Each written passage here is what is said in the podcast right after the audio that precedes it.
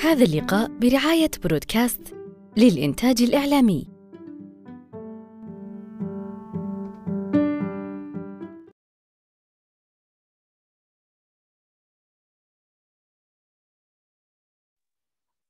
بسم الله الرحمن الرحيم أهلا وسهلا بكم أصدقاء ضاد في اللقاء رقم 150 من لقاءات صالون ضاد الثقافي كما عودناكم نحن نلتقي هنا كل يوم أربعاء الساعة التاسعة مساء نتناقش ونتحاور في موضوع ثقافي أو في كتاب يتم تحديده مسبقا ويتم الإعلان عنه في حسابات صالون ضاد الثقافي التي ستظهر أمامكم بعد قليل. هذا هو اللقاء المئة والخمسون ولقاءنا اليوم بعنوان الحب بذكاء لدكتور فيل. وضيفنا وضيفكم هذا المساء هو مو ضيف صراحة هي راعية مكان هي من البدايات من الداعمين لصالون ضاد من أول ما بدأنا قبل نبدأ في صالون ضاد هي كانت معنا في صالون ضاد وكانت معنا في الخطوات اللي ما قبل صالون ضاد. هذا يمكن لقائها الرابع أو الخامس هي يمكن شوي بخيلة علينا في اللقاءات لكن دائما نعذرها لكثرة ارتباطاتها والتزاماتها. يمكن أول لقاء كان توقيته أو كان عدد أو كان تسلسل رقم 12 اليوم إحنا في لقاء 150 وهي معنا بعد في هذا اللقاء. ضيفنا هذا اللقاء هي الأستاذة أمل المهدي الباحثة والأخصائية الاجتماعية. أمل أهلا وسهلا فيك للمرة الرابعة أو الخامسة في صالونك صالون ضاد. سهلا فيك وليد. بس ما كان له داعي تهزيء في كل لقاءتين نفس الكلام إنه أنا بخيلة في الكتب. لا هذه هذه هذه الحقيقة اللي لازم الكل يعرفها لأنه بس أنا يعني قلت العذر وأنا مقدر هذا العذر لارتباطاتك لكن دائما اللقاءات اللي بيرجع لليوتيوب ويشوف لقاءات أمل دائما اللقاءات اجتماعية نفسية بحكم دراستها وتخصصها وبحكم قراءتها في هذا المجال. ويمكن أقول شوي بعد مثيرة شوي يعني اليوم بتشوفون في طقاق كذا شوي في المداخلات وفي الدردشة وفي فكل واحد ياخذ راحته لأن الموضوع اليوم نفسي اجتماعي. اليوم عنواننا الحب بذكاء. قبل نبدأ نرحب بأصدقائنا برودكاست شريكنا الإعلامي. ليش الحب بذكاء؟ أمل ليه, ليه هذا الكتاب تحديدا؟ آه، أول حاجة يسعد الله مساك وليد ومساء الحضور جميعا. آه، ليه كتاب الحب بذكاء؟ تقريبا أنا أحب زي ما قلت الكتب الاجتماعية الكتب اللي تهتم في العلاقات الكتب اللي تهتم في المجتمع في تكوين الأسرة آه، في البحث النفسي يعني إلى آخره من هذه المجالات. فيمكن من بداياتي زمان وأنا أتابع أوبرا وينفري فكان في برنامج أوبرا وينفري show كان عندها فقرة تستضيف فيها دكتور فيل طيب؟ وكان يقدم استشارات اجتماعية فكان يبهرني إنه يقدر يحل المشكلات. طبعا هذا الكلام وأنا كنت في المتوسط توي. فبعد ما نجح في هذه الفقرة سوى له برنامج اسمه برنامج دكتور فيل فيمكن من هذه البدايات لما بديت آه، أقرأ الكتب فكان نفس فكرة أوبرا وينفري. دخلت المكتبة شفت كتب دكتور فيل قشيت كل الإصدارات بكل كتبه جميلة أسلوبه جميل آه، أنا أحب الكتب اللي يغلب عليها. طابع الشخص نفسه. يعني أنت لما تقرأ الكتاب تحس إنك تسمع صوت الكاتب بالذات لو كان مقدم برامج أو كذا. وتحس إنه ما يغلب عليه الجدية مرة. يعني يكون شوي يعني فيها شوي كوميديا شوية كذا. فأسلوبه رائع. يعني تقريبا هذا أهم شيء يشدني في الكتاب. جميل. خلينا نتعرف أول شيء على الدكتور. طيب okay. أول حاجة آه راح نستفتح هذا الحوار والنقاش اليوم باقتباس دكتور فيل اقتبس عن مارك توين حيث يقول الحب هو المرض الوحيد من أمراض القلب الذي يفضل أن ندعه بلا علاج لكي يستمر حيث لا نحتاج للمساعدة للتخلص منه وبل حتى لا نرغب في ذلك. طبعا أنا آسفة يا فايزة إحنا ما زلنا في مرحلة الحب والحزن إلى آخره. طيب آه دكتور فيل زي ما قلت لكم هو مقدم برامج. كاتب ومؤلف. آه في البدايات كان بس عنده هذه الفقرة في برنامج أوبرا ولما نجح سوى له إيش؟ برنامج. عنده كثير مؤلفات وكلها تتكلم عن العلاقات حل المشكلات الزواج آه، تكوين الأسرة يعني في هذا الطابع الاجتماعي. هو فعلا يعني مش بس لقب هو عنده دكتوراه في هذا المجال. آه تقريبا هذا كل شيء عن دكتور فيل. طيب كتاب الحب ذكاء. الكتاب يناقش العلاقات والحصول على الشريك المناسب والأسباب التي تجعل الشخص يخوض علاقة فاشلة وإلى آخره من المشكلات التي تتطرق لها الكاتب. طبعا أنا حاولت ألخص الكتاب بشكل يتناسب مع ثقافتنا العربية ولو أن إحنا بدينا نحاكي الغرب لكن على أي حال. آه نستفتح الكتاب بالفصل الأول حيث تكلم دكتور فيل عن وجوب الشعور بالراحة وعدم الخجل من التصريح بالرغبة في الارتباط وأن ذلك شعور طبيعي وحاجة إنسانية يجب إشباعها. طبعا بعطيكم بس لمحة عن الكتاب. الكتاب كتاب دسم زي ما إحنا نقول. مليان آه، خطوات أمثلة آه، قصص آه، شرح لكل فقرة بسرد طويل. فالوقت ما يسعفنا. وكمان يعني هو في النهاية اسمه مناقشة. فأنا في كل فصل أحب أختار النقاط المهمة ونتناقش حولها. ففي الفصل هذا أو خلني معليش قبل ما أقول الفصل اللي هو الكتاب عطى خطوات عمل وكان موجه هذه الخطوات للنساء فقط. الخطوات هذه تنفع للرجل وللمرأة عشان كذا أنا عممت في الشرح اليوم وفي النقاش للإثنين لكن عشان المبيعات هو مضطر أن يخصص للسيدات فقط. تمام. أول خطوة يرى دكتور فل أنه يجب على الشخص أن يكتشف نفسه أولا قبل أن يفكر الخوض في علاقة أيا كان نوع هذه العلاقة. في هذا الفصل ذكر نقطة جدا مهمة. وخلينا نقول إذا أنت عرفت هذا المفتاح فأنت بتختصر على نفسك كثير أمور. صراعات سوء ظن اختلاف وجهة نظر إلى آخره. يقول دكتور فيل يجب على الإنسان معرفة كيف أو كيفية عمل عقل الرجل وعقل المرأة. يقول أن عقل الرجل يعمل بسياسة السبب والتأثير بينما عقل المرأة يعمل بسياسة المنطق الأنثوي أو الحس طيب كيف مفهوم السبب والتأثير عند الرجل؟ دقيقة أنا أحس استرسل صوت واضح؟ إيه تمام واضح. أوكي كويس. آه طيب. السبب والتأثير عند الرجل إنه الرجل مش بالضرورة يكون هو الفكرة أو الموضوع اللي أنت بتطرحه عليه يكون مقنع. لا هو لازم يكون مقنع بالنسبة له. يعني السبب اللي أنت قدمته مقنع بالنسبة لهذا الشخص تحديدا. والتأثير أنه أنت فعلا قدرت تأثر عليه هو تحديدا. مش بالضرورة أنه يكون مقنع للجميع أو مثلا يحرك المشاعر للجميع دامك أنت وصلت لهذا الشخص تحديدا فأنت وصلت. فهذه طريقة أو آلية عمل عقل الرجل. بينما عقل المرأة يعمل بالمنطق والأحداث. يعني إذا ما كان الشيء منطقي من وجهة نظرها فهي ما حتقتنع مهما كانت أسبابك.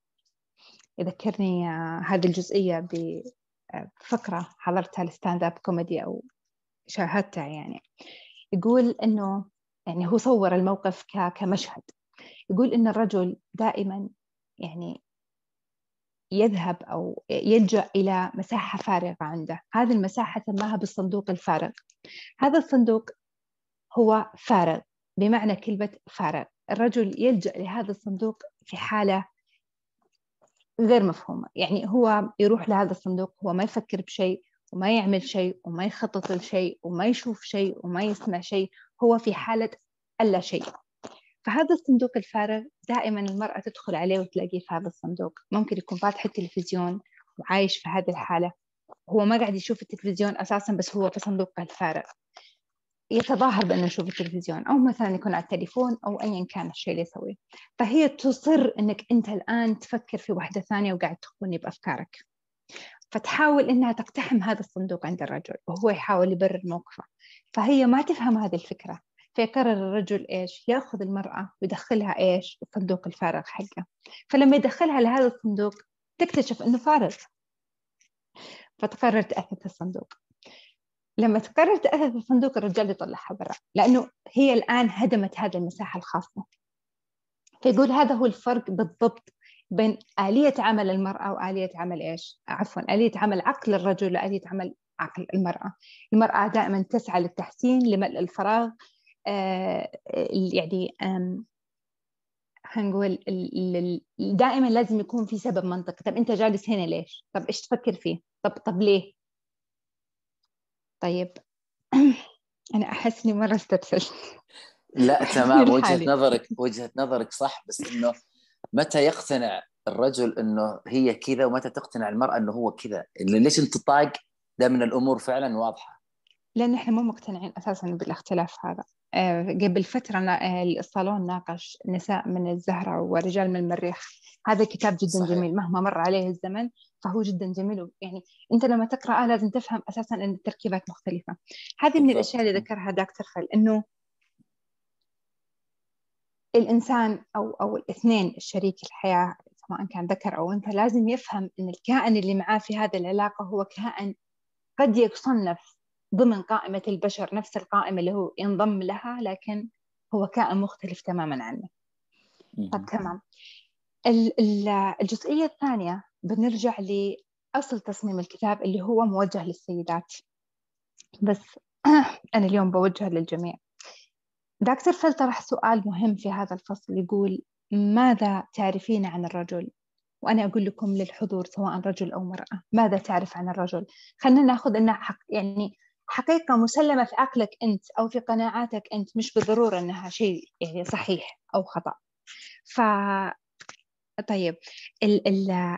السؤال هذا إذا حابين أحد يبغى يشارك فيه صوتي تمام؟ أو إذا حابين تكتبوني على الشات. ونرجع له لأني بناقش أول حاجة اللي هي آه، آراء الدكتور نفسه. السؤال يقول ماذا تعرف أو تعرفين عن الرجل؟ دكتور فل يقول الرجل أحادي التفكير أي أنه يفكر بشكل تسلسلي في موضوع واحد في كل مرة. يعني هو يطرح موضوع واحد ويفكر فيه بشكل عمودي.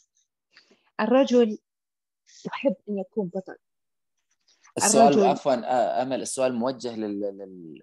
للجميع الجنسين. للنساء يعني... والرجال. يعني نفس الشيء مثلا إنه أنا ماذا أعرف عن عن الرجل؟ حقيقة أنت ترى أنها أنت تعمم يعني أنت تعممها من وجهة نظرك أنت الشخصية عن الرجال. تمام اتضحت الصورة. تفضلي كملي. طيب. السؤال مطروح. إذا في مشاركات صوتية تمام. إذا اللي حابين يشاركون يكتبون على الشات تمام. دكتور فيل زي ما قلت لكم يشوف إنه الحقائق الثابتة عن الرجال أن الرجال دائما يفكرون بشكل أحادي يعني شكل تسلسلي يطرح موضوع واحد يفكر فيه وإذا انتهى منه طرح موضوع آخر.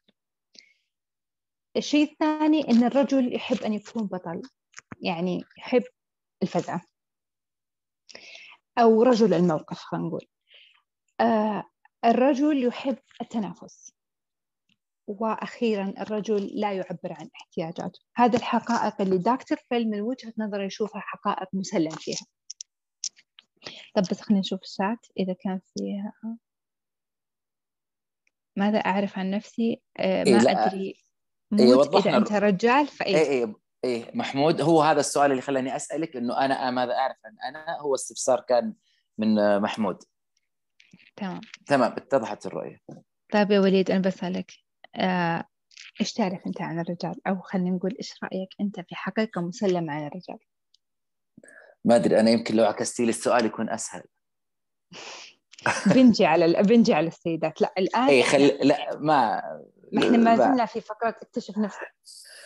للأسف أنا لو لو لو أنا مكتشف نفسي كان كثير أو جزء كثير من الغلطات اللي صارت ما صارت لكن هو كل اللي صار لأنه أنا ما إلى الآن ماني مكتشف نفسي لكن خلي إذا جاء الدور على العكس ممكن إني أنا آخذ المايك منك يعني. يقول لك إن الإنسان قد يموت وهو لم يعرف ولا حتى جزء بسيط عن نفسه. وأنا أتوقع أصلا انه الموضوع فيه تعميم يعني شوي مو تختلف من بيئة لبيئة. إيه. إيه بض... إيه. وغير كذا أنا ماذا أعرف عن عن عن الرجل الآن؟ لكن أنا بتتغير نظرتي بعد. بمرحلة عمرية متقدمة بيتغير نظرتي صحيح. يعني الدنيا قاعدة والإنسان أنا نفسي أتغير. ففي مداخلتين إذا سمحتي لي فيه آه، أستاذة فايزة وأستاذ محمود على المايك. نبدأ بميارا المايك معك تفضلي. آه، مساء الخير. آه، أمل آه، سؤالك ذكرني بكتاب يمكن أنا كنت أبحث عنه وعشان يعني أعرف هالموضوع اللي هو تقريبا اسمه أسرار عن الرجال يجب أن تعرفها النساء. وقريته وأقول لك الآن أنا ما عرفت الرجل. هذه إجابتي للأمانة. أنت من وجهة نظرك يعني من تجربتك في الحياة إيش رأيك؟ ما ترى ما في جواب صح ولا ما في جواب صح أنا فاهمة. بس إنه يعني قريت وأحاول أتعامل آه، آه، مع الرجل بطريقة بس آه، سبحان الله فعلا إنه أحس إني ما عرفت أو إنه الآن ما ما أدري وين يوم سألتي السؤال إنه إيه؟ وش تعرفين عن الرجل. فكل مرة أحس إنه يعني بكتشف شيء جديد. كل يوم بيطلع لي شيء جديد أو بيطلع لي قناعة ثانية. ما فيه إجابة يعني محددة عندي أنا. تمام. طيب ناخذ محمود. أبو عمر المايك معك. مساء الورد عليكم جميعا. هلا وسهلا مساء النور. وأنا بالاساس كان في عندي كان في عندي مشاركات مشاركة أخرى. ولكن يعني حاب أشارك معكم الآن بالسؤال بالسؤال اللي طرحته الأستاذة. فعلا أبو خالد يعني جميعا.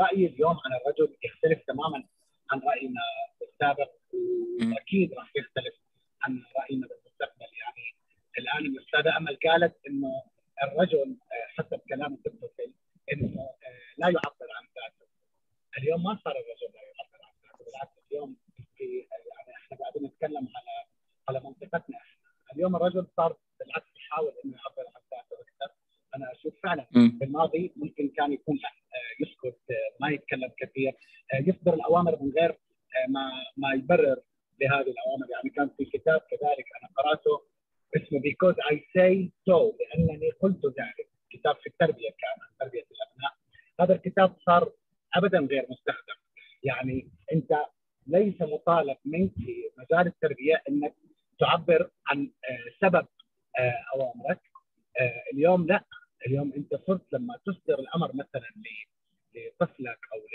لاحد التلاميذ اللي موجودين عندك تضطر انت مضطر بشكل كبير جدا انك تشرح له انت ليش قدمت ليش طلبت منه هذا الطلب آه، هو راح يسالك ليش ليش ليش فالرجل اليوم صار مطالب انه يعبر عن ذلك آه، الموضوع بصراحه يعني السؤال نفسه السؤال كبير جدا يعني كذلك آه، ماذا عارف عن الرجل أنا كرجل آه، ام أنا أنا كرجل آه، طبيعة الرجال اللي حولي تختلف عن الرجال اللي حول آه، أستاذ حضرتك أستاذ وليد. مثلا المنطقة تختلف يعني اليوم أنا في المدينة المنورة طبيعة الرجال اللي اللي موجودين هنا تختلف في تعاملهم. مثلا خلينا نقول مع المرأة عن طبيعة الرجال اللي موجودين في الرياض موجودين في الدمام موجودين في جنوب السعودية. فسؤال كبير جدا ما أتوقع إنه سهل جدا الإجابة عنه.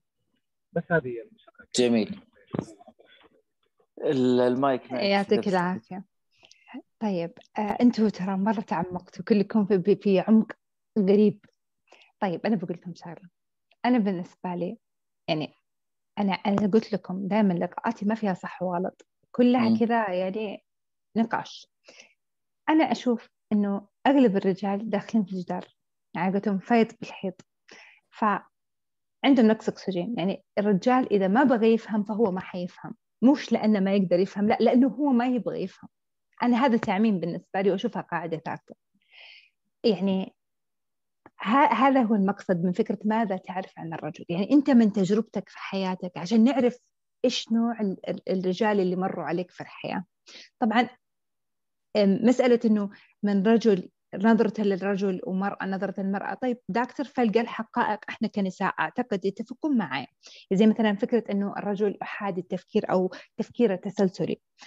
يعني هذا النقطة تحديدا أنا ضحكت لما قرأتها.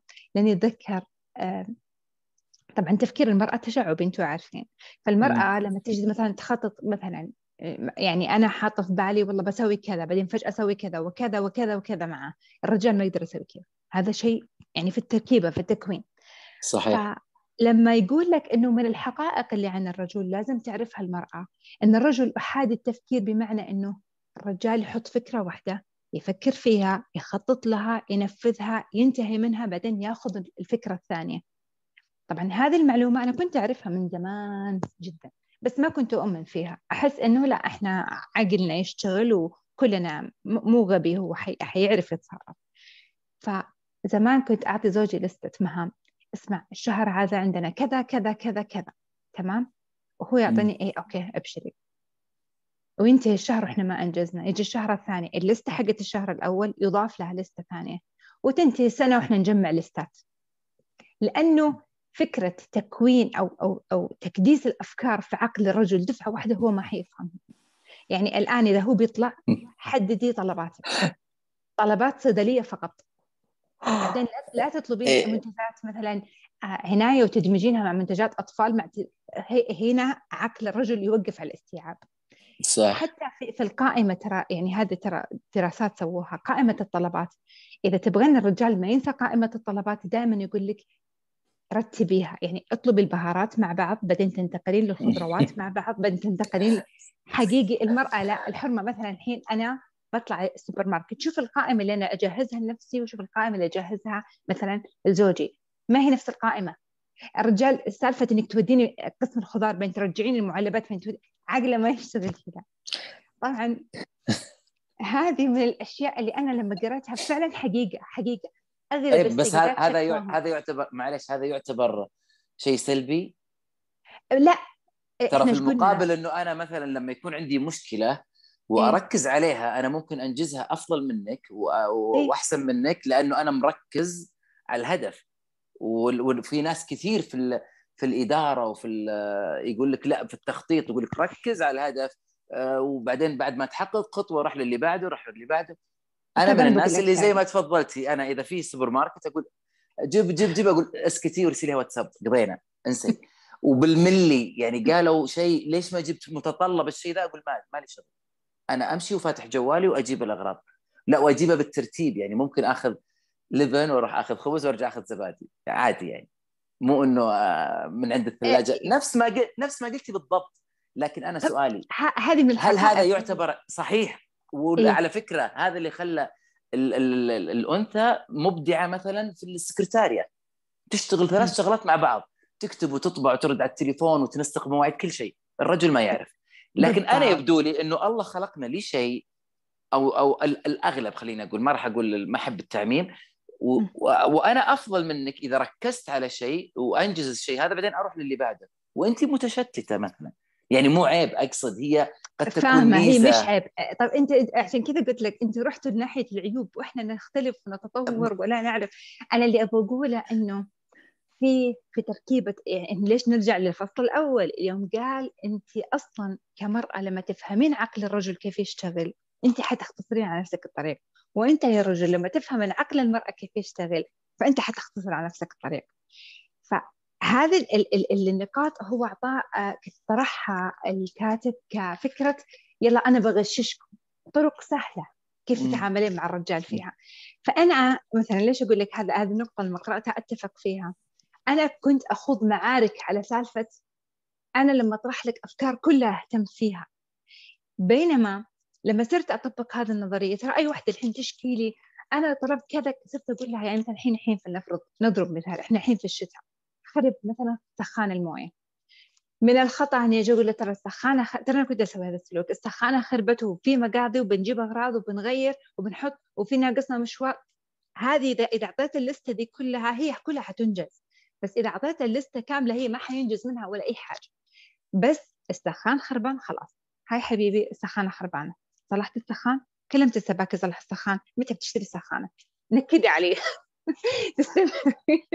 بهذه الفكرة لازم تكرار إلى أن ينجز الرجال الفكرة الواحدة. مش كسل مش غباء. هو طريقة تفكيرهم كذا. أنا أرتب الموضوع. تشوف حتى في, في الأعمال المكتبية. غالبا غالبا الرجال ينجزون في الأعمال الإدارية لأنها تكون روتينية ثابتة خطوات متسلسلة. فهو أصلا خلاص يندمج فيها. فما تلقى الرجال يقدر يسولف على الجوال ويشتغل مثلا على الكمبيوتر. الفكرة ومثلا مع زملاء في العمل. ما يقدر. الدمج هذا ما يشتغل فيه عقله. فهذه فكرة إنه مش عيب مش يعني هي هذا اختلاف. بس يعني إحنا نعرف إنه هذا البني آدم يفكر كذا. فأنا لما أقول لك شيء أو مجموعة أشياء فما تنجزها فالمفروض هنا دكتور فل يقول أنت لازم ما تزعلين لأنه هو تركيبته كذا أنت تركيبتك غير. أوكي؟ طيب في شفت قريت على الشات آه، اللي هو أسماء تقول أنا أحس هي أسماء إيه أسماء إيه؟ أسماء ما ما جبنا مداخلتها. تفضلي كملي. إيه؟ أسماء تقول أنا أحس بالنسبة للرجل أنه لا يتقبل التغيير بشكل مباشر ولكن يتعود عليه مع الوقت. بالتدريج بدون ضغط. أتفق. الرجاجيل أكثر أكثر شيء يغير الرجال الرسائل الغير مباشرة. أكثر شيء يأثر فيه. يعني هذه من الحقائق اللي أنا أنا أضيفها إلى ماذا أعرف أنا عن الرجل. آه طيب بختم هذا الفصل مع مقولة. م. يقول دكتور فيل أي شخص في علاقة إما إما أن إما أن يساهم في بنائها أو في هدمها كل ساعة وكل يوم. إذا كان الشخص الذي ترتبط معه لديه تاريخ سلبي وصعب ومؤلم ولم يفعل أي شيء لعلاج هذه الجراحة النفسية ففي الغالب سيقوم بتدمير العلاقة آه علاقته بك آه بك أو بك يعني نتيجة خبرات سابقة. طيب. كذا انتهينا من فصل الاكتشاف النفسي طيب. و... قبل نبدأ باللي بعده إذا سمحتي لي بس آه إيه؟ بستغل التوقف هذا قبل نبدأ بالنقطة اللي بعدها علشان نسترسل باللي بعده على طول.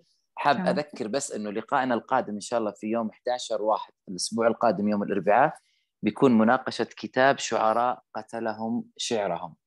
آه، اللقاء بيكون من تقديم الأستاذة منيرة الناجل زائد اللي تواصلوا معي وفي منهم أنا شفت أسمائهم في الحضور آه، من من المنطقة الشرقية أو من الطايف أو من القصيم أو من المدينة. وأنا في الرياض. الخمس مناطق هذولي اللي طلب مني كتاب خزام الله يرحمه متوفر في الخمس مناطق هذه وتم إرسالها وشحنها إلى هذه المناطق زائد الرياض. اللي حاب يتواصل معي بعطيه رقم واتساب المسؤول عن المنطقة ما قصروا المجموعة اللي استقبلوا الكتب متبرعين ب. يعني بالتنسيق معكم لكن اختاروا وسيلة مواصلات مريحة لهم. يعني لا حد يكون في منطقة ويقول جبها لي أو ارسلها لي أو ما قصروا الشباب. كل واحد ماخذ له 30 40 كتاب ومتبرعين بهذا الشيء لكن هي متوفرة الكتب مجانية. بس عليكم أنتم استلامها ومسابقة آه، خزام للقصة القصيرة. وصلنا تقريبا إلى آخر تحديث 250 مشاركة أقل المشاركات من المملكة العربية السعودية وهذا شيء مبسطني أنا إنه إنه صوتنا واصل إلى مصر وتونس وأكثر المناطق العربية لانهم هم يبدو لي هم الأقلام اللي تكتب يمكن أكثر مننا لكن المنافسة هناك أقوى مننا كثير. شيء يزعل في نفس الوقت يبسطنا إحنا في ضاد إنه صوتنا صار أبعد من منطقتنا لأنه يبدو لي هم آه، يعني يعني حابين الفن هذا من من فنون الأدب. هذا باختصار هي المداخلات. زائد الآن المداخلات الصوتية والكتابية الشباب اللي قاعدين في في إيش قاعدين تسوون يعني تركينا أنا ومحمود كذا لحالنا ما يصلح. فتكلموا وعبروا عن مشاعركم. زي ما قال محمود إحنا قاعدين نتهزأ.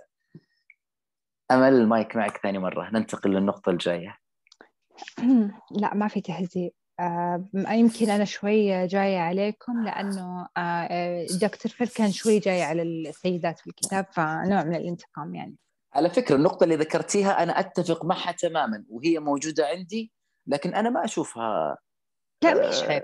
مو عيب. أنا أنا إيه أتفق معك. ولا ابدا ولا ولا, ولا تستغل حتى ضدي إنه أنت ما تعرف تجي. لا هذه أنا أشوفها ميزة. إيه؟ لكن زي ما تفضلتي هو مشكلتنا إنه ليش حنا السؤال الكبير إنه ليش حنا دائما نبغى نثبت إنه الطرف الثاني هي الزنانة وهي اللي تنق وهي المتطلع وهي والطرف الثاني يبغى يثبت إحنا ليش ليش في صراع أصلا؟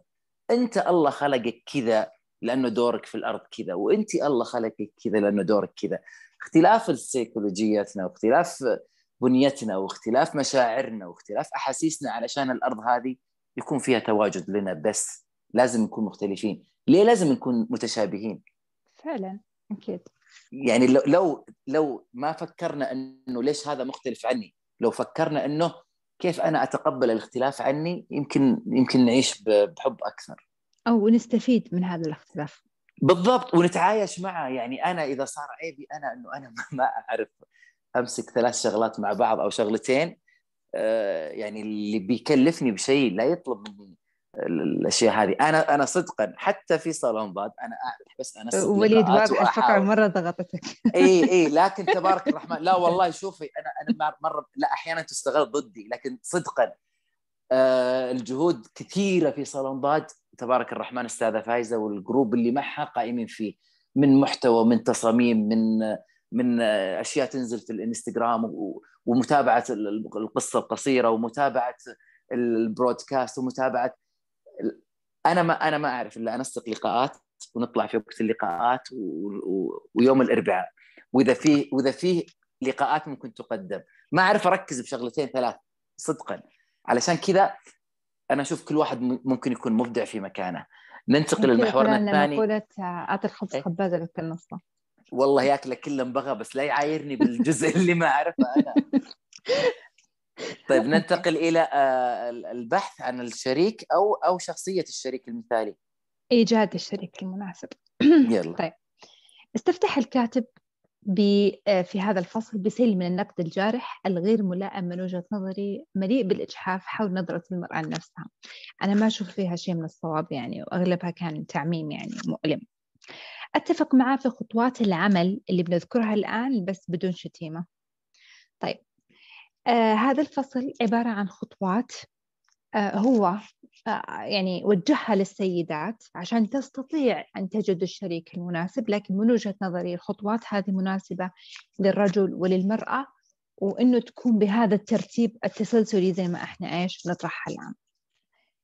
يقول أول حاجة يجب أن تبحث عن نفسك أولا قبل أن تبدأ أو تشرع بالدخول في علاقة. لازم أنت تعرف نفسك تبحث عن نفسك وتبحث في نفسك أكثر الخطوة الثانية أن تحدد أهدافك أنت بتدخل في العلاقة هذه ليش؟ أنت تبغى تدخل في علاقة أساسا لماذا؟ ما هو هدفك؟ إلى ماذا تسعى؟ ماذا ترغب في الوصول إليه؟ آه، ثالث خطوة أن تحدد نوع العلاقة التي ترغب في أن تخوضها يعني هل هي زواج؟ آه، هل أنت أساسا يعني تشعر بالوحدة تحتاج إلى شريك حياة يملي عليك هذه الوحدة فقط. تبحث عن أبناء تبحث عن علاقة جنسية تبحث عن علاقة عاطفية تبحث عن آه، آه، علاقة مادية. هل أنت تهرب من شيء ما في حياتك؟ أنت لازم تعرف نوع العلاقة اللي أنت قاعد تسعى لخوضها. النقطة اللي بعدها لازم تعرف مكان قوتك وضعفك. كل ما عرفت نقاط قوتك ونقاط ضعفك كل ما كان هذا الشيء يساعدك في خوض علاقة ناجحة. وآخر نقطة لازم تعرف تسوق لنفسك. يعني أنت كيف راح تقنع الأشخاص اللي حولك بأنك أنت إنسان جيد أو تمتلك هذه الصفة؟ هذه نقطة القوة عندك. آه كيف أنه الأشخاص ممكن يشعرون أنه مكسب لهم إضافتك في حياتهم. طبعا آه، قال جملة دكتور فيل في هذا الفصل يقول يجب أن تحول الفكرة في عقلك من الرغبة في صيد شريك حياة إلى جذب شريك حياة وأن تعمل على هذا الأساس. فهذه المقولة ذكرتني بمسلسل اسمه عايزة أتجوز. هذا المسلسل لهند صبري كانت تلعب في دور آه، علا. علا بنت عانس. فأول حلقة استفتحوا فيها المسلسل في الموسم الأول كان في كتاب اسمه كيف تصطادين عريس. فكان في أزمة لهذا الكتاب والعالم تدور عليه ويبغون يلاقونه وكانت كل بنت تشتريه وتقرأه على طول تتزوج. فكانوا يسوون لقاءات مع العرسان ويسألونه يقولوا والله ما أنا عارف هي إزاي وأنا الست دي أنا لسه مقابلها يعني. فهم يعني بالغوا في سالفة إنه الهوس في مسألة إن إحنا لازم نلاقي شريك ومهما كانت يعني مواصفاته أهم شيء إني أنا إيش أأدي تشيك ليست عندي. أنا أنا مرتبط فقط. فيقول إنه لازم أنت تغير فكرة إنك تصيد الشخص أو خلينا نقول تتشبث بهذه الفكرة. لازم أنت تكون شخص جذاب تشتغل على نفسك تحقق إنجازات لنفسك. بناء على هذه الإنجازات راح تكون مكسب أو خلينا نقول راح يكون التنافس عليك قوي لأنه أنت أساسا سعيت أنك تحسن من نفسك أو تكون نسخة أفضل. إذا كان في مداخلات على هذه الجزئية ولا ننتقل للي بعدها. آه طيب. يبدو أنه ما في. تمام. شخصية الشريك المثالي. كيف نقدر نقول عن هذا الشخص إنه هو شخص مثالي؟ أسألكم ولا بتزعلون وتحسون إن الموضوع فيه شخصنة شوي؟ لا آه. لا. لا عادي عادي الموضوع حوار. وفي مداخلة المحمود يبدو لي على النقطة السابقة. إيه تفضل يا أستاذ وما ما في زعل ترى الموضوع عادي يعني النقاش. واضح. لا تقدر لا لا إن شاء الله. لا لا لا لا لا إن شاء الله ما في زعل. سامحوني أنا داخل كثير الموضوع جميل الصراحة. يعني الكتاب نفسه يعني عنوانه عنوانه ملفت يعني بذكاء. أنا قبل شوي والله يعني قبل حتى وأنا ناسي والله ناسي موضوع اللقاء إلا عن جات رساله بالواتساب إنه عن هذا الكتاب. قبل شوي يعني على المغربية كنت جالس مع أخواتي أنا وتكلمنا بهذا الموضوع. يعني أنا سألتهم سؤال مباشر إنه آه، ليش اليوم البنت آه، لا زالت ترغب بالزواج؟ يعني لا زالت ترغب إنه تكون في تكون مع مع مع, مع رجل. يعني صار في عندها فرص أكثر أحيانا أكثر من الرجل حتى. فليش انت لا زلت ترغبي؟ يعني إيش السبب الرئيسي الحقيقي اللي يخلي الأنثى تبحث عن رجل؟ يكون في رجل موجود معها. اتفقوا البنات تقريبا على على نقطة معينة ألا وهي الأمان. يعني هم اتفقوا هم اختلفوا في البداية وبعدين اتفقوا جميعهم على نقطة معينة اللي هي الأمان. ليش لا زالت يعني السؤال الآن المطروح. ليش لا زالت الأنثى اليوم وهنا وهناك كذلك لا زالت تبحث عن رجل في سبيل هذا الأمان، إيش يعني الأمان؟ يعني هذا السؤال مطروح لك يا أستاذ أمل. آه، أنت أنت أصبت نقطة أساسا هو ذكرها وإحنا جايين عليها اللي هو أن النساء أساسا تبحث يعني لل يعني للارتباط أو للزواج للشعور بالاستقرار وبناء عائلة يعني هذه الفكرة الأساسية أساسا الأصل يعني أو خلينا نقول الفطرة الأساسية للمرأة أنها ترتبط لتشعر بالأمان وهذا هو الأساس. يعني حنقول الأصل في العلاقة المرأة ما ترتبط عشان يعني في أفكار كثير يعني وخلينا نقول أفكار مغلوطة نشأنا عليها وضيعتنا عن الحقيقة. إنه تتزوج الوحدة عشان تنستر أو عشان تلاقي أحد يأكلها ويعيشها ويلمها هذه هذه كلها لما تغيرت الدنيا أو بالاحرى يعني وبالذات عندنا في العالم العربي لما كان في انغلاق فجأة صار في انفتاح أثبتت المرأة أنها تستطيع أن تعمل في البيت وخارج البيت وتحقق أموال وتنشئ يعني عملها الخاص وإلى آخره. تبقت خانة إنها لا زالت تبحث عن ارتباط مش للعاطفة فقط. يعني ممكن في كثير آه، أشخاص غير عاطفيين وأغلب الرجال بهذه الطريقة. يعني إحنا ما ننكر إن إحنا نناقش الكتاب ونقول لا الورد مو شيء أساسي ولكن لا تزال المرأة آه، تتعلق بالأشياء العاطفية. بس المحك والشيء الأساسي إن المرأة تنظر للرجل على إنه يعني خلينا نقول زي ما الرجال يشوف البيت إنه مأوى وسكن وإلى آخره المرأة تنظر للرجل على إنه هذا الشيء. فهو بالنسبة لها هذا السكن هذا هذا المستوى هذا المساحة من الأمان. يعني زمان كانوا يقولون أنا معك لو لو في عشة لو في مدري إيش. هي كناية عن إنه الأصل الرجل إذا كان هذا الرجل يحقق لها الأمان والسند والشعور بال إنها فعلا في سكن يكفي أينما كان يكون. يعني بس مش عشة عشة شدوا حيلكم شوية يعني. بس إنه هذه الفكرة. هو يبدو لي ان سؤال محمود يعني إنه الوضع الآن تغير. فأول لا هي محتاجة الرجل علشان يصرف علشان الآن تقدر تتوظف وتبني وتصرف ما وتصرف إحنا عليه هذا اللي نقوله. إي بالضبط. إيه؟ انت انت وض... لا لا بالضبط. انت وضحتي زاوية ثانية فعلا ومهمة يبدو لي. ويبدو لي إنه إنه يعني حتى في القرآن لتسكن إليها ولتسكن الموضوع مو موضوع آه، آه، تصرف عليه وأصرف عليك وتصرف لا الموضوع أعمق من كذا. هذه التركيبة الأصلية. يعني آه أنا والله ما تحضرني الآية ولا أحب أحرف لكن الله سبحانه وتعالى لما خلق آدم خلق له حواء. حواء خلقت لتسلية آدم بس آدم موجود لسكن حواء. هذا هو الأصل هذا أصل التكوين.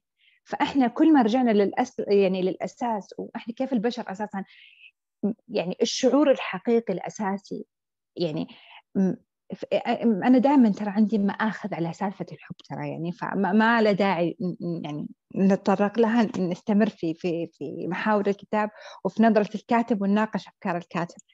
آه، فالحب يعني مفاهيمه أو التسويق اللي حصل له دمجوا كذا شعور تحت مسمى الحب فصار الحب كلمة مضللة آه، تخفي حقيقة أساسا نوع الارتباط بين بين الرجل والمرأة.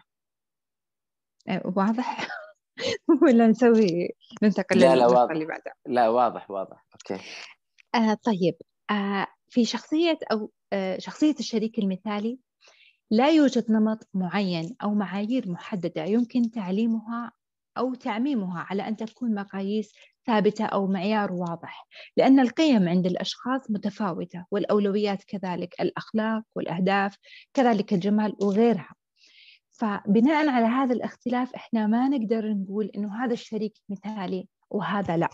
فما في ما في مواصفات خلينا نقول للرجل المثالي ولا في مواصفات للمرأة المثالية. المثالي لي مش مثالي لغيري. والمثالي أو المثالية لك مش مثالية لغيرك فهذه هي الفكرة. طيب كيف نحدد قائمة الأولويات في العلاقة؟ من الصعب الجزم بآلية محددة وذلك لاختلاف أهداف الأشخاص واحتياجاتهم. فبحسب كل شخص تكون أولوياته وبناء عليها يحدد الشخص المناسب. طبعا إحنا لما قلنا من خطوات اللي لازم الشخص يعملها عشان يخوض علاقة أول حاجة يحدد هدفه يحدد هدفه من هذه العلاقة. فلما يكون أنت أساسا هدفك واضح راح تعرف الشخص هل يخدم هذا الهدف أو لا. كيف؟ لأنه إذا كان مبادئ هذا الشخص أو قناعاته أو توجهه في الحياة ما يخدم هذه ال ال يعني الأهداف أو هذا الهدف فهو حتما ليس الشريك المثالي طبعا تطرق في هذا الفصل على أن المرأة بعض الأحيان لما تتعدى سن معين أو مواصفات معينة تشعر باليأس لأنها ما تنطبق عليها. فشعورها باليأس تجاه نفسها يصل إلى الرجل فبالتالي ينفر الرجل منها. آه فما ت... فيصعب عليها أنها تجد الشخص المناسب لها. كذلك تطرق عن حقيقة نظرة الرجال للعلاقات بأنهم يبحثون عن علاقة جادة بخلاف ما هو متعارف عنهم بأنهم متلاعبين فقط. أنه الرجل يحتاج إلى الارتباط والزواج والدخول في علاقة للشعور بالسكن مثل ما تبحث المرأة مو زي ما مسوق لهم بأن الرجال ينفرون من العلاقات الجادة يعني. آه كذلك تكلم في هذا الفصل عن فقرة جميلة جدا وهي أنه من المهم أن تطرح أسئلة محورية دقيقة بشكل مباشر أو غير مباشر. يعني أنت لما تخوض علاقة أو تتعرف على شخص أو في فترة الخطوبة لازم ما تكون العلاقة مبنية على الأوهام والمشاعر الواهية يعني إنه خلينا نقول الشعور اللحظي. لازم يكون في أسئلة دقيقة تعرف فيها الشخص تفكيره نظرته للزواج للأبناء للمال خلينا نقول للوطن الأشياء آه، خلينا نقول محكات حقيقية هي ممكن تقف عليها الحياة لاحقا. فاطرح الأسئلة إذا كان مش بشكل مباشر بشكل غير مباشر خوض معاه حوار. آه، ممكن إنك توجه له طلب يعني تطلبه. تحاول إنك تقدم اختبارات. هذه المواقف تكشف لك حقيقة الأشخاص. دائما في فترة الخطوبة عندنا يعني هنا بالذات في السعودية آه، الاثنين يحاولون يلمعون صورتهم قدر المستطاع. يعني إحنا وقعنا في حاجتين. يا يلمع صورتها إلى درجة إنه يصير خيالي بعد الارتباط تطلع ال... يعني الحقيقة فيصير فيه مشكلة.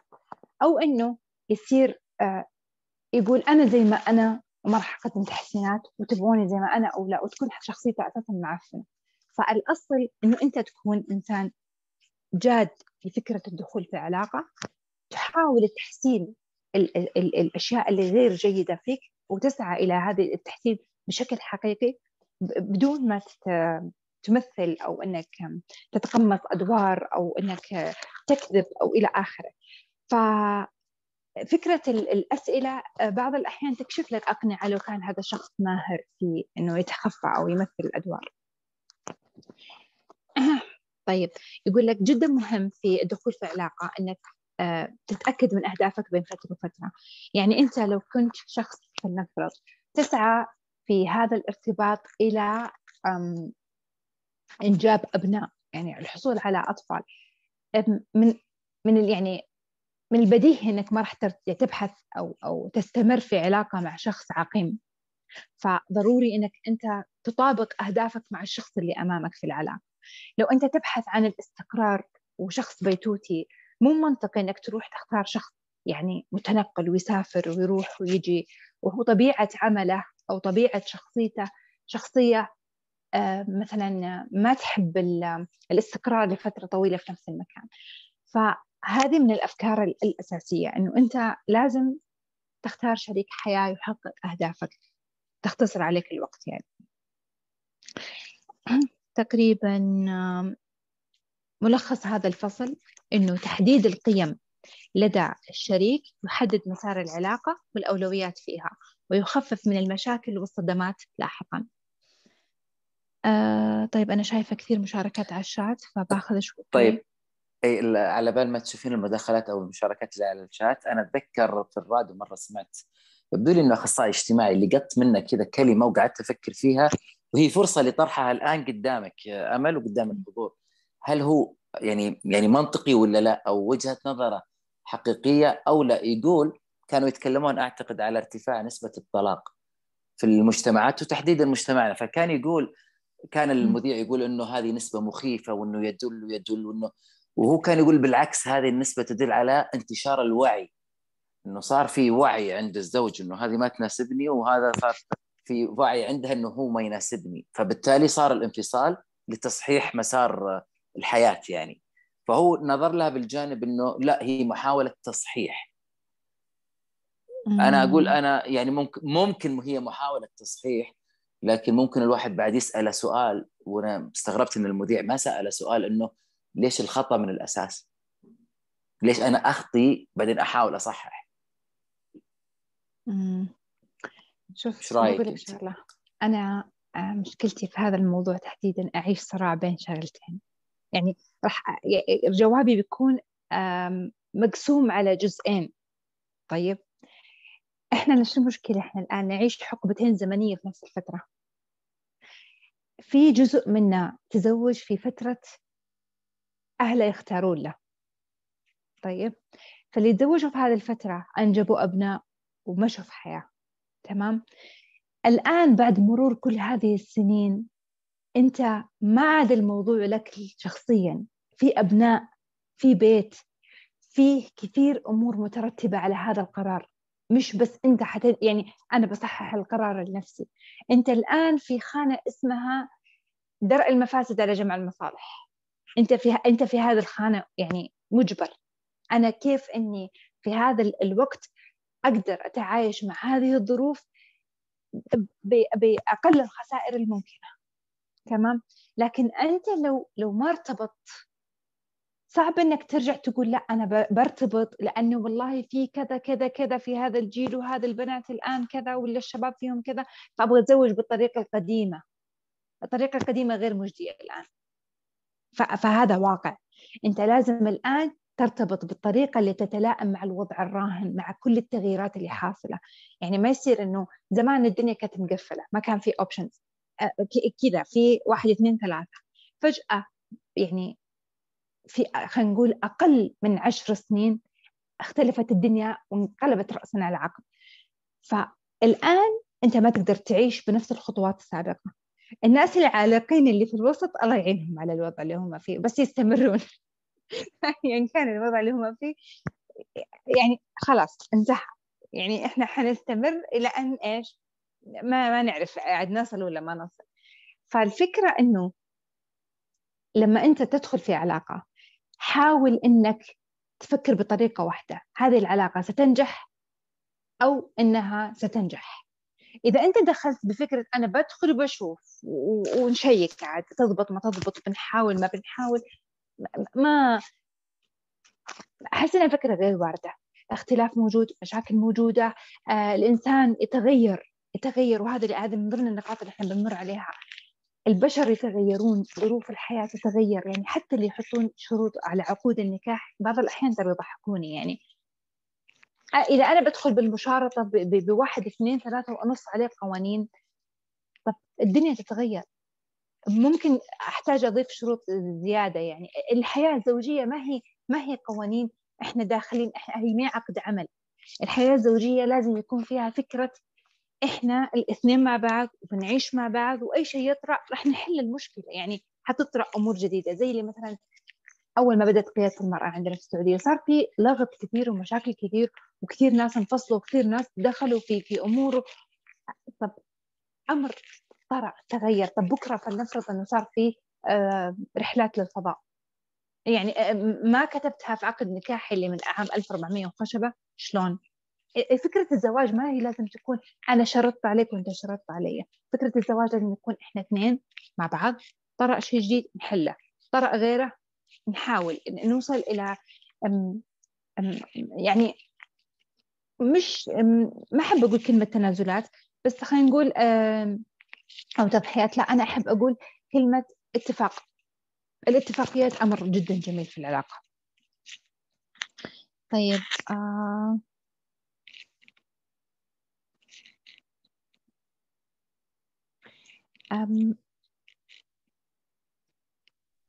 نروح لحالة الارتباط العاطفي. آه دقيقة لا آه يقول أستاذ خزام الله يغفر ويرحمه. قال في أحد اللقاءات أن الرجل في بداية العلاقة يقول كلام صحيح وقتها آه لكن هو بالحقيقة كذب مثل ما يقول أنا راح أحبك بشنو طلع يعني هو كثير يكون صادق مش عليك هذا الكلام صحيح. أم آه ما أنا قلت كلمة الحب صارت مظلة تجمع كثير مشاعر وأنا ما أحب أفصل في هذه يعني مصطلحات المشاعر بس إحنا كلنا عارفين أنواع المشاعر اللي تكون موجودة. هي ما كذب الإنسان ليش دائما إحنا نقول إنه في الزواج فجأة تغيرت الحياة أو مات الحب بعد الزواج هو ما يموت. الإنسان بطبيعته رجل له شخصية ومرأة لها شخصية. إذا التقى الاثنين في حاجة اسمها شرار أو خلينا نقول آه، شغف متعة إثارة تحصل في هذا الوقت. مدة شهر شهرين سنة سنتين. Whatever بس إنها فترة. إحنا كلنا عارفين إنها فترة وقتية. طيب خلال هذه الفترة الوقتية هو يشعر بهذا الشعور هو ما يكذب هو يشعر هي تشعر. طيب بعد فترة من الزمن إحنا نعتاد هذا الشعور. إذا اعتدناه صار جزء من الروتين. فما يصير بنفس مستوى الإثارة والمتعة زي ما كان سابقا. هل الشعور اختفى؟ لا ما اختفى. إحنا تعودنا عليه. زي لما أنت أول مرة تذوق أكل ويكون لذيذ وشيء جديد بعدين نتعود عليه. هذه الفكرة فقط. هذه الفكرة من الشعور. فما ما, ما أعتقد. أنا اللي كلامي عن سالفة الكذب في البدايات إنه شخص مثلا خلينا نقول أنت إنسان كسول ما تحب تتحرك آه روتينك اليومي دائما بيتوتي قاعد بالبيت وإلى آخره. طول فترة ال ال ال ال يعني التعارف أنت تحاول تعكس صورة. أنا أروح الجيم وأنا إنسان fit وأنا أروح آه، أطلع وأحب أستكشف الأماكن الجديدة. أنا أقوم برحلات دورية قد تكذب ال lifestyle هذا مو حقك. لا تصطنع المشاعر توضح. أنا أنا مؤمنة بأنه ما يطلع من القلب يوصل للقلب. مؤمنة بهذه الفكرة. والإنسان لما يسمع لمشاعره بصدق إحساسك دائما يدلك. هل هذا الشخص فعلا يحبك أو لا؟ على فكرة أمل أنا أنا أنا قاعد أشوف اللي أو قاعد أحس باللي يضحكون وانت قاعدة تقولين ذا الكلام. أحس أحس لو بفتح المايكات فجأة كذا بعد كلامك يوم تقولين life ومدري شلون وان أنا أطلع وأروح الجيم وإني أنا آه دمي خفيف والثانية تقول أنا أحسن واحدة ببنات عمي ودي أفتح المايك كذا وأسمع أحس كله قاعد يسوي الشيء هذا. يمكن هي الشيء اللي أنا أبغى 30 واحد. اي اي يمكن يمكن ترى يمكن هي الصورة اللي أنا أرسمها لنفسي إنه أنا أبغى أصير كذا علشان أنا ودي أصير كذا معك. لكن في الأخير آه للأسف آه يعني أرجع. لا لا مو وقتك تتخيل مو وقتك. هذه الفكرة. هنا هنا شو أقول لك؟ هنا لازم أنت تتعامل مع الواقع على أنه واقع. العلاقة مش شيء وقتي. ما إحنا نرجع للفكرة. أنت تحديدك للعلاقة إيش؟ هل أنت تخوض هذه العلاقة لأنها وقتية؟ وقتية إذا إيه؟ تخيلوا إيش أفكارك اللي أنت حاب تعيشها وبعد لحظات أو بعد آه ما توصل للغاية اللي أنت تبحث عنها ترجع لواقعك وأنت عادي تخرب زي ما تخرب. بس أنت لما أت... تفكر في علاقة جادة طويلة لا أنت لازم تكون واقعي وحقيقي. أتفق معك تماما لتحديد الهدف. أنا يعني أعرف واحد ذكرته الآن من كلامك هو تزوج لأن أمه تبغاه يتزوج. تبغى تشوف عياله. فراحت وخطبت وسوت وكل شيء وتزوج. بعد سنتين ثلاث توفيت أمه فقعد شهرين ثلاثة وطلق. خلاص راح الدافع. الدافع إيه. بالضبط اي كلامك منطقي جدا. همس أضافت إنه الحب مثل الطاقة يتحول من شكل لشكل آخر. يبقى الحب لكن يتغير شكله. إيش رأيك؟ أتفق. هذه المقولة أصلا أكثر شيء استوقفني. يعني خلينا نقول انها هذه المقولة وكمان في أحد كاتب نور كاتبه العلاقة اللي فيها طمأنينة واحترام ووده وتفاهم هذه بحد ذاتها راحة. الفكرة من العلاقات أساسا إنه أنت لازم تكون إنسان مرن إنسان متفهم إنسان عندك قبول للتغيير. بعض المشاعر أساسا هي هي كذا زي زي زي الشراره تجي فجأة كبيرة وتلمع وإلى آخره. بس أنت تشعر فيها كذا وتتعاظم هذه هذا الشعور عندك. بس إنه ما يختفي. مثلا خلينا نقول الاثنين لما يحبون بعض في البدايات يكون شعور جديد وتجربة وشخص جديد وفي اندفاع بتعرف عليه وبحاول أجذبه أحاول أحاول في في كثير من المهام اللي انت اللي أنت قاعد تعطيك طاقة واندفاعية ناحية العلاقة. بعدين تتحول هذه العلاقة إلى إلى مساحة من التعارف والتعود. شوي شوي شوي يصير الوضع. هل اختفى؟ لا ما اختفى. إحنا صرنا نحب بطريقه مختلفة. صرنا نحب بعض إن إحنا نحرص على مصالح بعض. نحب بعض إن إحنا مثلا نكون مساحة من الأمان من الاستقرار للطرف الآخر. إحنا نحب بعض بس بهذا الحب بهذه الطريقة. فهو فعلا يتحول من شكل لشكل آخر. أم... رحاب ضد فكرة أنه يتغير من شكل لشكل. ممكن رحاب توضحين وجهة نظرك؟ وهذا المميز في النوعية هذه من النقاشات أنها آراء. وفعلا حنا لو نسمع أصوات بعض باختلاف أعمارنا وتجاربنا ممكن الواحد يعرف الأطراف الثانية كيف ممكن يفكرون وبالتالي يصير المودة والرحمة يصير التعايش. آه طيب. آه مثلا ننتقل للي بعده؟ إيه أنا أفضل. ولا الوقت أي... ما, ما إيه علشان لا علشان الوقت إيه. طيب تمام.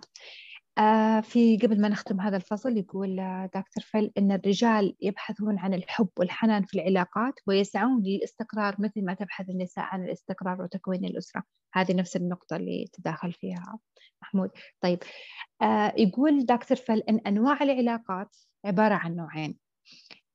علاقات للارتباط فقط وعلاقات لبناء علاقة سعيدة. يظن الرجال أن الحصول على امرأة سهلة أمر ممتع. ولكنها لا تصلح للارتباط. بينما تظن النساء أن تقديم بعض التنازلات قد يتيح فرص أكبر لها. طيب. حالات الارتباط العاطفي. آه، في ثلاث مقولات آه، قالها دكتور فل. ففي كل مقولة آه، يعني هذه الثلاث مقولات أنا بالنسبة لي إنها أفضل شيء في الفصل وكل مقولة كثير فيها تشعبات أو معلومات تحتها. طيب أول مقولة يقول إذا صار في الرجال إذا صار في الرجل كل شيء تظن المرأة أنها تريده في الرجل المناسب لها ففي الغالب ستكف عن حبه. هذا يرجعنا نقطة إيش؟ أن الحب يتحول من شكل لشكل آخر. الرجل له شخصية له تركيبة مختلفة عن المرأة. ممكن المرأة تتخيل أبغى كذا كذا كذا كذا والرجل إذا صار زي ما هي تبغى فيحس أنها خلاص ملل. أنا أعتقد أن الفكرة هذه هي للبشر بشكل عام. الله سبحانه وتعالى خلقنا نحب الغموض نحب إن إحنا يكون عندنا هدف عشان نقدر نستمر. عشان كذا الإنسان أساسا ما يعرف إيش مكتوب له في المستقبل ولا يعرف متى راح يموت ولا يعرف إيش الأقدار المكتوبة له إيش النصيب في في كثير عندنا غيبيات والبشر دائما يتعلقون بالغيبيات لأنهم يحسون إنه مثلا أنا بسعى عشان أحسن كذا وأعمل كذا وبحصل على كذا. الإنسان إذا ما كان فيه شيء غامض أو مش متوفر أو آه، على غير هواه ما راح يسعى ما راح يحاول ما راح يستمر راح يتوقف. ف ال ال يعني يمكن هذا هو سبب الاختلاف بينه وهذا هي أساسا المتعة في إن إحنا مختلفين. طبعا هو قاعد يقول إن المرأة كذا وأعتقد الرجال كذا. دائما نسمع أغلب الرجال وهذه من الحقائق المسلمة اللي عندي عن الرجل. أغلب الرجال يطلب امرأة مثلا مطواع امرأة يمين يمين يسار يسار آه، حاضر سم أبشر. أغلب الرجال يطلب هذه المرأة وإذا عاش مع هذه المرأة يختنق. لأنه هي بهذه الطريقة تقتل المتعة عنده. ما عاد في جدل ما عاد في أخذ وعطاء ما عاد في تناقض. فانتهى خلاص يعني هي هي قتلت كل الفعاليات بس هو دائما يطلب هذه المرأة. وأغلب الرجال يتزوجون بهذه الفكرة. أبغى واحدة مطوع أبغى واحدة على كيفي. زي زمان نظريه اللي اتزوج واحدة صغيرة في السن عشان يعني أشكلها على على كيفي. في كثير مشاركات فأنا أحس إني قاعدة أروح وأرجع ما أدري اخذ مشاركات ولا أقرأ ولا أكمل. آه طيب هم قاعدين في في الشات يختلفون ويتفقون مع بعض إيه أنا أحس إني أتكلم لحالي إيه لا لا لا, طيب. لا لا لا لا كلامك صحيح أنت إنه إنه إذا جاي يرتبط يدور المطوع هذه اللي اللي وفي ليش أقول كذا؟ لأنه كثير ناس أو كثير رجال إذا انفصل أول ما تسأله إذا هو فضفض يقول والله تبغى تمشي كل شيء على كيفك فواضح إنه هو كان مأخذها أصلا إنه يبغاها سم أبشر. ويبدو لي إن الصورة النمطية اللي أخذوها الشيبان عن الآباء عن شيبانهم عن شيبانهم. صورة أي. الأنثى اللي اللي في باب الحارة. اي thank you مرة اي بالضبط. أنا دائما عندي نظرية. بكل نظرية بكل المجتمعات. هذه ما عادت موجودة. أيوه. بالضبط. هو ماخذها على أساس كذا إنه ابن عمي وحتى في مصر السي سيد و وتجيب طشت في موية وملح. يا سلام والرجل الشرقي بشكل عام رسم هذه الصورة حتى لو كان هو ما يبغى يعتقد إنه قبل هذه يتزوج. الحياة السعيده صحيح. إي قبل يعني من التعليمات اللي قيلت لكثير ناس قبل يتزوجون خلك أتذكر واحد في مجلس من زمان قبل يمكن 15 سنة أو أكثر بعد كان يقول وا... تو متزوج هذا ويقول الثاني يبغى يتزوج من أخويانا فيقول له شوف خليك زيي أنا لا لا إيه لا. وش هذه القاعدة حقت لا لا. قال أول طلب تطلبه أقول لا. بكرة تطلب طلب أقول لا. بعدها تطلب طلب بنطلع بنروح أقول لا. اللي بعده أقول إيه؟ طيب وإذا إيه جعلك تموت يعني وش يعني إيش ليش كذا يعني؟ ليه مقياس؟ أنا بقول لك انه إنه وافق على ثلث الآراء. لا مو مو الكل. ترى هذه نظريه كل الرجال يطبقونها في أول اي بالضبط. أول سنة زواج ترى. أمل. ترى ترى الرجال اللي يطبقونها تعلموها من آبائهم. معروف من ابائهم ويصر ترى على فكرة شفت الرجل اللي طبقها في أول سنة زواج إيه؟ خذها مني بعد خامس سنة هو يعترف لزوجته يقول لكم كانوا يقولوا لي كذا. طب أعلمك شيء على فكرة ترى ترى مش فاهم. ترى حتى الزوجه حتى الزوجة إيه. أمها كانت تقول لها اسمعي كلام زوجك لا تقول حتى الزوجة يعني هي هيئتها بعد. إحنا مجتمعنا كذا. صحيح صحيح مو أنا صحيح. بس ترى حتى الزوجه يخلق نسخ يعني مستمرة. بالضبط اي إحنا كذا. لين طلع الجيل اللي الآن إحنا بنترقب خلال خمس سنوات وش بيسوي؟ لأن التغيرات توها جديدة. هذول الجيل اللي مو على كيفك. أيوه.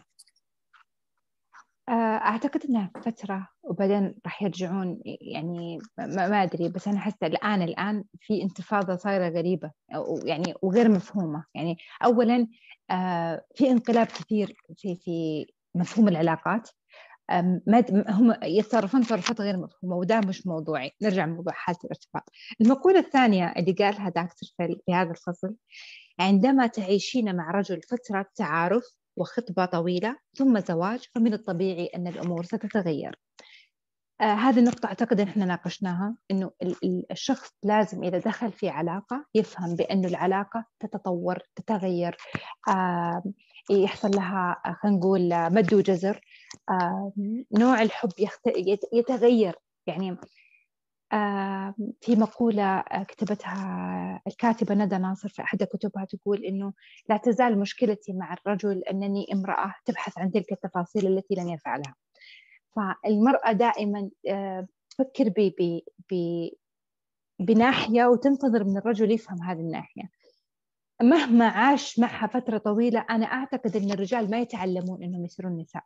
يعني دائما إحنا نتخيل أنه يعني بحكي موقف تمام؟ إذا كانت المرأة مثلا تعبانة هذا الموقف صار لوحدة دخلت غرفة الولادة تمام؟ ومعاها واحدة بنت. في الغرفة المجاورة لها واحدة مع زوجها. فكان وقتها في مباراة مهمة. السالفة هذا قريب ترى يعني على كأس العالم. فكانت اللي تعبانة في لحظة الولادة معها أختها قاعدة تطبطب عليها تبلل لها موية تعطيها كمادة. كل ما تألمت تعرف متى تكلمها ومتى تسكت متى آه، تغطيها ومتى آه، تقول لها كلام ومتى تبعد عنها ومتى ومتى. بينما الرجل كان يجلس على جواله وإذا اشتد الوضع دخل وقف طلع. يعني هو أساسا حتى ما قاعد يدعمها. ففي هذيك اللحظة إحنا قاعدين نتناقش طب ليش صار كذا؟ طب إيش الهدف من وجود الرجال مع المرأة في هذه اللحظة؟ في كثير حريم تعرف إن الرجال ما راح يقدم أي شيء ولا راح يعني غالبا هي راح تصب غضبها عليه. ممكن هذا الهدف من وجوده. فالرجل ما يتصرف بنفس الطريقة اللي المرأة تنتظر إنه يتصرفها. بس أعتقد إن هذا الشيء طبيعي والشيء اللي إحنا لازم نفهمه. مع الوقت في أشياء تتغير في الحياة بس ما تتغير على الناحية اللي إحنا نسعى إلى تغييرها. وهذه أهم نقطة إنك أنت لازم تدخل في الحياة تؤمن بأن الحياة راح تغير يعني تتغير وأنت كمان راح تتغير وشريكك راح يتغير لكن مو بالطريقة اللي أنت مخطط إنك تتغير عشانها. أو مثلا أنا بتزوج عشان أغير كذا كذا كذا كذا ما راح يحصل هذا التغيير. وكمان هذه النقطة بنجيلها في الجزئية اللي بعدها فما له داعي نتطرق لها. آخر نقطة في هذا الفصل آه، أو يعني قالها دكتور فل أو مقولة يقول يمكن أن تكون مصدر إلهام وممكن أن تؤثر ولكن لا يمكنك أن تتحكم. فحلو إن الواحد لما يدخل في علاقة ومثلا خلينا نقول ما في أحد يكون راضي عن أحد مئة بالمئة هذا شيء طبيعي. فحلو إني أنا ما أختار شخص أنا كل عيوب وأقول لا بختاره وبروح أصلح كل العيوب اللي فيه. أمر مستحيل. أختار هذا الشخص لأنه في كثير أشياء عجبتني في أشياء مو يعني ما تنضم تحت قائمة لا أستطيع التعايش معها لا تنضم تحت قائمة تزعجني.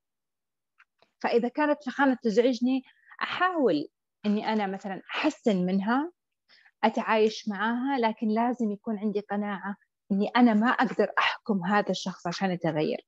بالنسبة لي أي علاقة تدخل فيها بنية التغيير فهي علاقة فاشلة. أنتوا تحمسوني على الشات أنا أضطر إني أوقف وأقرأ معاكم. يعني أحد يطلع يتكلم ال... وأنا طيب إذا في حد حاب يشارك في المايك المجال متاح. فعلا محمود إلى الآن هو يربط الكتابين مع بعض. أنا ودي أعرف الآن فيني فضول إنه أيهم كتب اولا. أيوة كتاب الحب بذكاء أو كتاب أيوة. الرجال والمريخ والنساء والزهر آه لا لا الرجال آه، أول؟ والنساء إيه يعني آه. يعني مقتبس منك لا لا لا لا مش مقتبس. أنا أقول لك إياها أنا كثير أقرأ في هذا المجال كثير كتب تتقاطع. يعني ترى في بعض النقاط ترى أنا أنا فندتها واحد اثنين ثلاثة لأنها مرتبطة أو راح تقرأها بالتفصيل في كل كتب تطوير الذات. اكتشف نفسك حدد أهدافك آه إلى آخره. كلها موجودة. يعني المجال الاجتماعي المجال النفسي المجال آه هذا مجال متداخل. والأفكار فيه متواردة وتكرر نفسها وتعيد نفسها. آه ممكن يكون الطرح متشابه لأنه الأشخاص اللي يقرؤون هذا النوع من الكتب يقرؤون كل الكتب اللي تشبه هذا النوع. فتتكرر الأفكار. يعني ممكن يكون طرحي مشابه لأني أنا قرأت الكتاب الأول فكون ممكن متأثرة فيه. يعني ممكن لو أنت قرأت الكتاب مباشرة من من كتاب الحب ذكاء ما تجد هذا التشابه. بس يمكن طرح عمل يشبه بعض لأنه تقرأ كل الكتب بنفس الفكرة. آه طيب آه. طيب حتى اللي كتب إنه الأنثى تبحث عن الاهتمام ترى حتى الرجل يبحث عن الاهتمام يعني. كيف يعني؟ ما فهمت لك يعني في واحدة من قرأت التعليقات إنه الأنثى تبحث عن الاهتمام. في الزواج إيه آه نور كاتبه المراه تبغى اهتمام من الزوج في كل شيء. بس ترى حتى الرجل بعد يعني هو مو يعني جاي كذا و طب شوف سبايدر مان هو هو بيوزع اهتمام للعالم. ترى حتى الرجل بعد ينقص هذا الشيء. طب آه، يعني هي القاعدة يبدو لي أنا أنها مودة ورحمة هي مودة لحالها ولا متبادلة. ولا بالضبط اي يعني يعني شوف قد ما يعني لا تطلب مني إني أنا أهتم وأنت ما تهتم. أنا قاعدتي كذا. يمكن الجوزاء فكرته كذا ما أدري أنا مراية مع العالم كله. تهتم آه. فيني؟ بهتم فيك. ما تهتم فيني؟ والله لو ترفس عندي أنا كنت بقول النقطة بس. هذه ترى بس بس في مآخذ كثيرة. أساسا في أصل العلاقات وإحنا لازم نعترف بهذا الشيء شئنا أم أبينا المبادلة. بمعنى إنه لازم يكون دائما عندك سؤال. أنا كيف أقدر أفيد وكيف أقدر أستفيد؟ علاقة عمل علاقة آه، زواج علاقة أي نوع من أنواع العلاقة جيرة آه، علاقات اجتماعية ايا كان أنت لازم تكون شخص مفيد ولازم تستفيد. وهذه الطبيعة البشرية. طبعا الحين بيطلع لك ناس يقول انانيه ما انانيه لا أنا مو لا، هذه الفكرة. لأن الإنسان دائما يسعى إلى إيش؟ التحسين. هذا هو الأصل. فأنت الآن مثلا خلينا نقول أنا ارتبطت في علاقة. طب أنا إيش استفيد من العلاقة هذه؟ يعني لا لا نقتنع كلنا إنه في واحد رجال بالذات إحنا ال- المسلمين يعني أنا رجال بأجي بفتح لك بيت بدفع لك مهر وبقدم لك مصروف شهري وبأداوم من كذا لكذا وبتحمل إزعاج أطفال الرجل مع ما يعني نسبة نص في المليار عدد الرجال اللي يتزوج عشان يجيب عيال. ما ما في رجل يطالع في عائلة كذا عندهم أطفال يقول الله متى يصير عندي عيال؟ هذه الفكرة غير واردة. مهما حاول الناس يقنعوني فيها غير واردة. فهذه الفكرة ممكن تكون عند المرأة. فالرجل أساسا ما يدخل الزواج بنية أنا بجيب عيال وأنا أبغى مسؤوليات أنا أبغى ديون أنا أبغى قر... ما الفكرة دي مش منطقية. فهو بالأصل قاعد يقدم شيء. طب أنا الآن إيش راح أستفيد؟ طيب في نساء تقول لك لا أنا أبغى أبغى أبغى بس ما راح أقدم يعني أنا عشان تعرفون أنا ترى معاكم في صفكم تراني فأنا. ياسمين عز اليوم. طيب إذا أنا الآن بتزوج وبدخل في هذه العلاقة وعندي كل هذه التقديمات أو أو هذه المزايا الرجل قاعد يقدمها لي أنت ماذا ستقدمين؟ طيب أنا كمرأة لو بقول لك نقلب الآية شوية. أنا بقوم وبنظف بيت وبأدي فيه وبطبخ بربي أولاد وبكون آه، يعني زوجة وأم وإذا كنت موظفة زيدها على قولتهم فوق البيعة وكل هذه الأشياء. ماذا سأستفيد في المقابل منك؟ هذه هذا هو الأصل. فال- فالإنسان أساسا قبل ما يطرح عليه السؤال هو لازم يطرح على نفسه هذا السؤال. أنا إيش دوري؟ أنا إيش قاعدة أقدم؟ الناس إيش حتستفيد مني؟ أصلا في العلاقات الاجتماعية وبالذات في هذا الزمن. في ناس ما عاد أحد يكلمهم ولا يسأل عليهم ولا يتواصل معاهم. ليش؟ غير مفيدين. مم. صحيح. يعني ويقول لك لا الناس مصالح. لا الناس هم مصالح. مو بغير مفيدين. البشر. حتى لو حتى لو الواحد يجي وهم جالسين في مكان مثلا زملاء عمل ما يقعد معه لأنه ما راح استفيد منه. إيوه. حتى. بمعلومة حتى بسالفة حتى بنكتة حتى بطبطبة بأي شيء. فأنا ليش أقعد هنا؟ بروح هناك. عموما آه، انت انت على أي أساس استندتي إنه الرجل في العلاقة آه، الزوجية ما يبحث عن أو مو هدف عنده إنه أنا بجيب عيال؟ أنا ما قلت مو هدف قلت ما هو من أول أهدا- أهدافه مش من أولوياته. آه فرق أولويات أوكي. كذا أيوة ممكن. فرق لأنه- أولويات. يعني في سيدات كثير تقول لك لا أنا بتزوج أبغى عيال وفي سيدات كثير تجلس مع زوجها عشان عيالها. أنا أبغى عيال أبغى لا هذه أبغى مقولة أطفال. معروفة إنه إنه أنا سكتت له أو صابرت له عشان لا لا. لا لا لا لا, لا. آه. هذه فرق لا لا في فرق أقصد في سيدات تتزوج يهمني أنا ما ما أبغى لا توفر لي مصروف أنا أبغى عيال بس ما في رجل يرتبط بواحده عشان أنا أبغى عيال ما في اي كذا؟ okay فرق يعني- فرق يعني يعني, خلي- يعني هي خلينا- تجي بالطريق مثلا اي اي جت جت يعني على على على المراحل على أي. الترتيب لا كذا يعني اتضحت في الرؤية اي صحيح اي اي يعني كذا كذا أتفق. معك طيب بس عشان في آه ما نطول على المايك وأنا أبلع ريقي شوي طيب آه، آه، بعطي مجال المحمود لكن ذكرتيني في في سؤال سئل مرة آه، الله يرحمه حسين عبد الرضا آه، عن إنه عيال أو أبوه قال له تزوج عشان يجيك عيال و... وقالها إنه يعني الله أكبر يا نابليون أو شيء زي كذا إنه يعني وش إيه. وإذا جاني وإذا جاني عيال يعني وش اللي يعني ليش تبيني اتزوج؟ إيش الهدف يا يا, يا أبوي علشان إيش المنطق إنه أتزوج علشان؟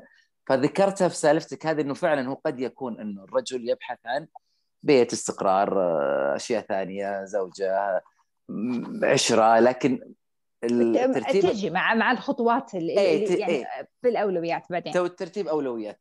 محمود بشكل سريع أبو عمر أنت اليوم نجم المايك. شكرا بحجم السماء ل- لمشاركتك لنا. والله العظيم هذا الموضوع فعلا إحنا نسعد وأمل قبل نب- نبدأ اللقاء إنه حابين أصوات ومشاركات وآراء متضادة ونفهم بعض أكثر. المايك معك أبو عمر تفضل. يسعد قلبك. أول حاجة أنا شايف إنه الموضوع الآن موضوع الكتاب نفسه الحب وذكاء أنا ما كنت أتوقع إنه ما أدري إذا تصحح لي أستاذ امل تصحح لي أستاذ وليد إنه هو الموضوع يتكلم عن علاقة الرجل بال بال بالزوجة عن علاقة شريكين ما يتكلم عن علاقة الحب بشكل عام. فأنا متفاجئ الآن إنه إحنا قاعدين قاعدين كلنا ندور حول فلك موضوع العلاقة الزوجية فقط. لا لا آه. هو يتكلم عن الحب بشكل عام. بس قلت لك أنا إحنا محورنا الحوار عشان يتلائم مع طبيعتنا إحنا ولا هو أساسا نتكلم عن العلاقات؟ هناك في أمريكا ما في. ممكن يتلائم مع طبيعتنا عن علاقة حبي ب بأختي بأمي ب آه، لا. يعني ممكن كذلك يعني تكون تكون يعني آه، أوسع من موضوع ال- الأزواج. هذا اولا. آه، ثانيا أنت الآن ذكرتي ذكرتي نقطة أستاذة أمل.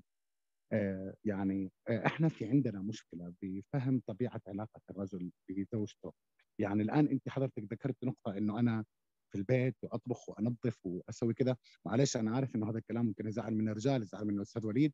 ولكن آه، عشان إحنا نتكلم بما يلائم طبيعتنا كعرب ومسلمين آه، هذا غير مطلوب على فكرة. يعني حتى شرعا إذا جيتي على كتب الشرع وبالمذاهب الأربعة على فكرة أنا قرأت هذا الموضوع جيد إنه ما هي مطالبه المرأة ترى إنها تطبخ ولا هي مطالبة إنها آه، آه، تنظف ولا هي مطالبة إنه هي لوحدها تربي الأولاد.